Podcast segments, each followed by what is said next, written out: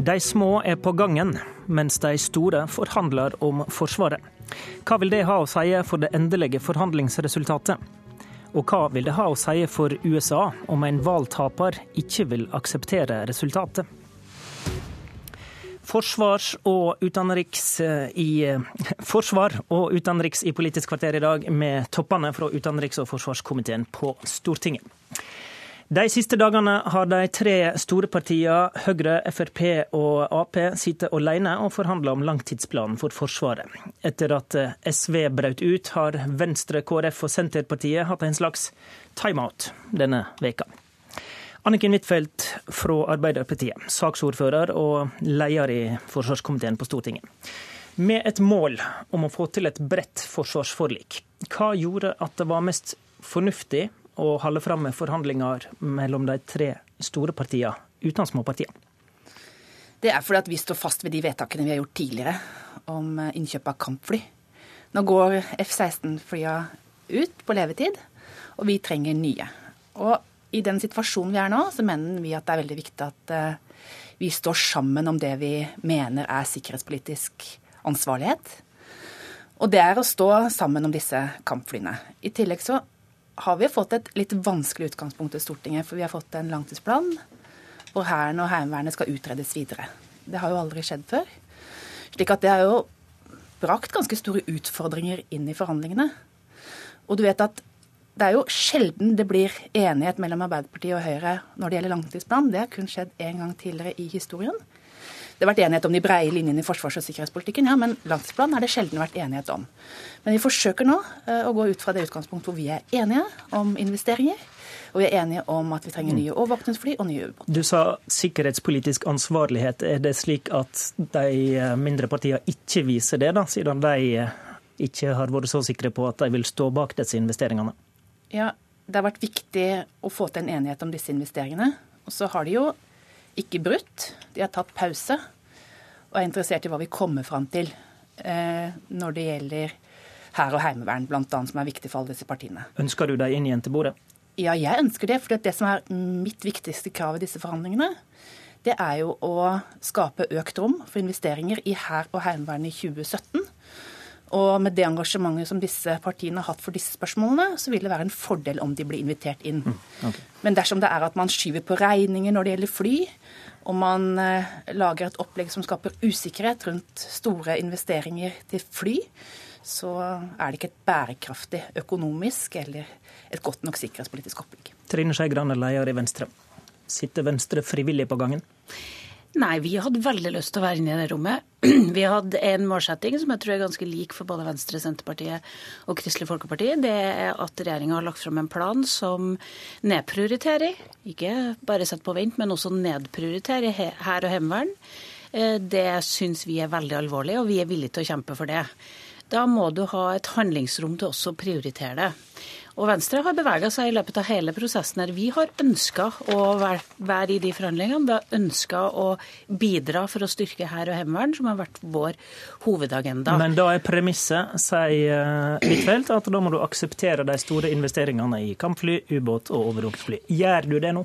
Ja, Det som vi har bevega oss på, det er at i begynnelsen så syns vi at vi hadde et for ambisiøst antall av jagerfly. Vi har gått med på det, bøyd oss for flertallet. Vi, vi syns at man kunne rokke på investeringer. Eh, investeringstakten på flyene. Ikke, Ut, utsette utgifter, med andre ord? Ikke utsette utgifter, men flytte Hæren fram i prioritet og flyene eh, litt lenger fram i tid. Men gjør de samme investeringene.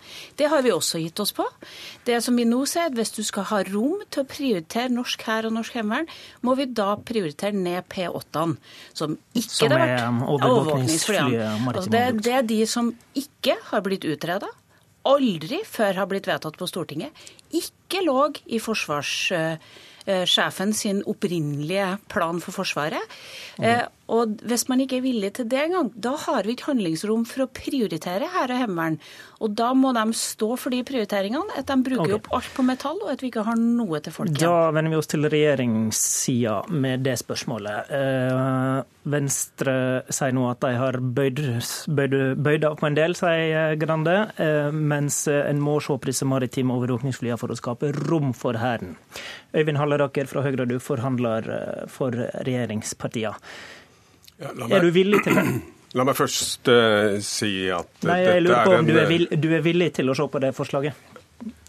Altså, Vi har uh, nå gått inn for tre hovedkapasiteter, som vi kaller det, for å styrke sikkerhetspolitikken Kampfly, ubåt og overvåkingsfly. Ja, det er riktig. Og det er vi enige om. Det er lagt i bordet. Ja, Dere er jo ikke enige om det, vi alle er enige om det, vi de tre store. store. Ja, okay. Og Det er det som er spørsmålet ditt. Så da gjør å... dere tre opp dere imellom, da? Det hadde vært fint om jeg fikk lov å også få lov å sluttføre mine eh, resonnementer. Det er altså hovedingrediensene i en langtidsplan som denne regjeringen har lagt fram i en sikkerhetspolitisk situasjon som er helt annerledes enn den har vært på mange år. Derfor eh, har Fremskrittspartiet, Høyre og Arbeiderpartiet satt dette som en betingelse for de andre elementene.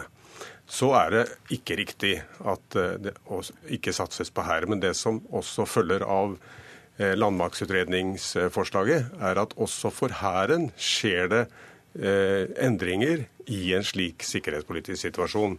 Men altså bare for neste år så er altså bevilgningene til hær og heimevern på nærmere 7 milliarder kroner. Det har aldri vært så høyt. Men i rene ord, du avviser Skei Grandes forslag her? Jeg opplever at eh, Fremskrittspartiet, Høyre og Arbeiderpartiet er enige om at dette er tre viktige kapasiteter. Dessuten så er det jo slik at skulle vi eh, se på et slikt forslag, så måtte det ha en hensikt i forhold til det første året, andre året. Det vil jo ikke være tilfellet, kanskje snarere det motsatte. For da vil vi måtte endre planene for hvordan overvåkingsfly vi skal ha. Og da må de eksisterende flyene gjennomgås og opprustes. Og det vil få også konsekvenser for budsjettet. Ifølge samarbeidsavtalen så er du forplikta til å først søke løsninger av flertall med Venstre og KrF. Det er så lett å glemme, skjønner du. Det er så lett å glemme det, ja? ja? OK. Hva er din kommentar til det, Halle Rocker?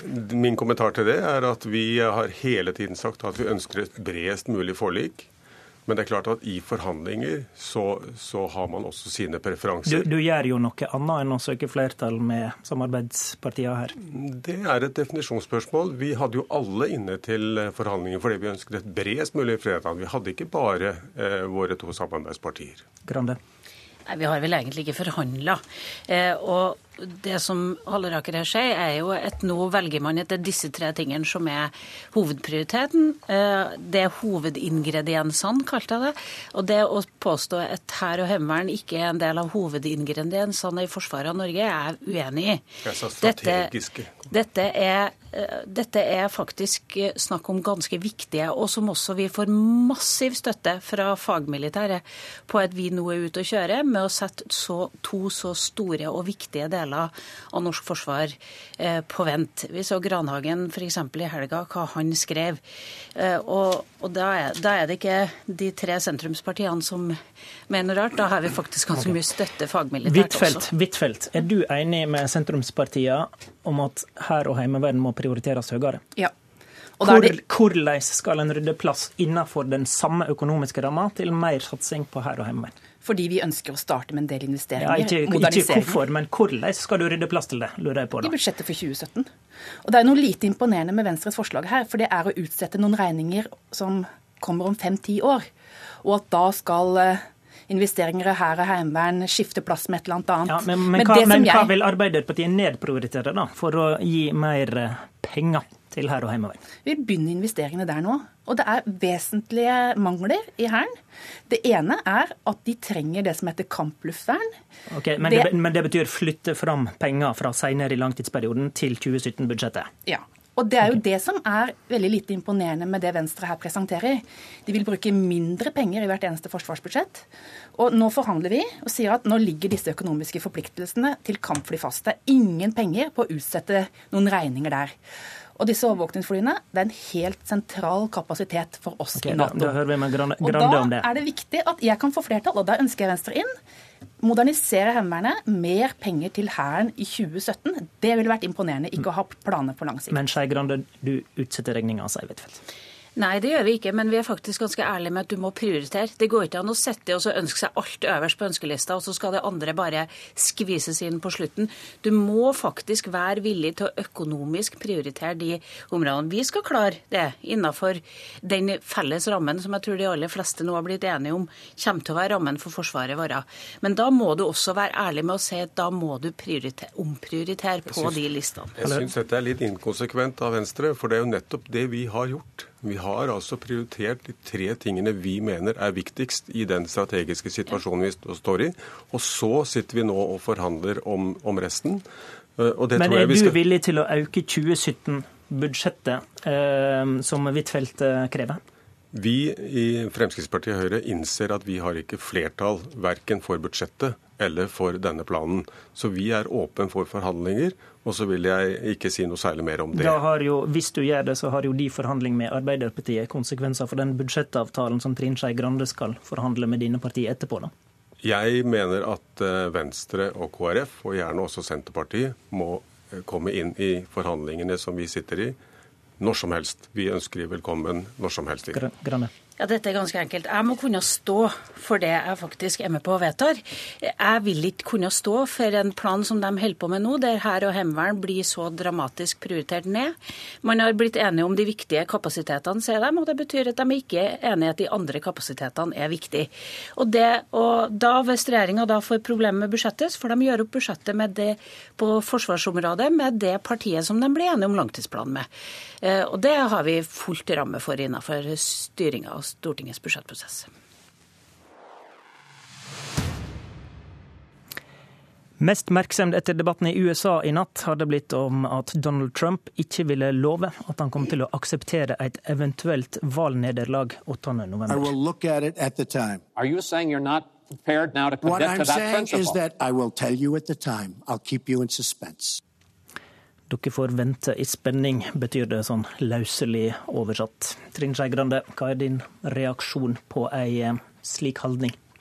Nei, Det er ganske skremmende. Og det er jo et signal på et demokrati som virkelig er ute å kjøre. Som virkelig sliter, og som, som har vært et ideal for Norge for 200 år siden når vi laga vårt demokrati. Og nå er de altså så ute å kjøre at man er presidentkandidat som skal arrestere den andre og nekte å godta valget. Det er liksom Ja. Det er ikke demokratiet verdig. Det er tydeligvis tilliten i systemet er kjempedårlig, og det er vanligvis andre land vi besøker der vi i utenrikskomiteen der vi blir møtt med sånne type holdninger. Anniken Huitfeldt, du er leder i utenriks- og forsvarskomiteen. Eh, hva følger kan en slik holdning få?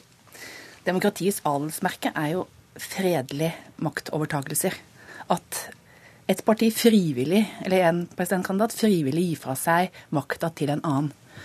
Og det å ikke slutte opp om og ikke ha tiltro til de demokratiske institusjonene, det er jo holdninger som vi møter i mange land når vi er ute og reiser. Slik at det er jo det jeg frykter.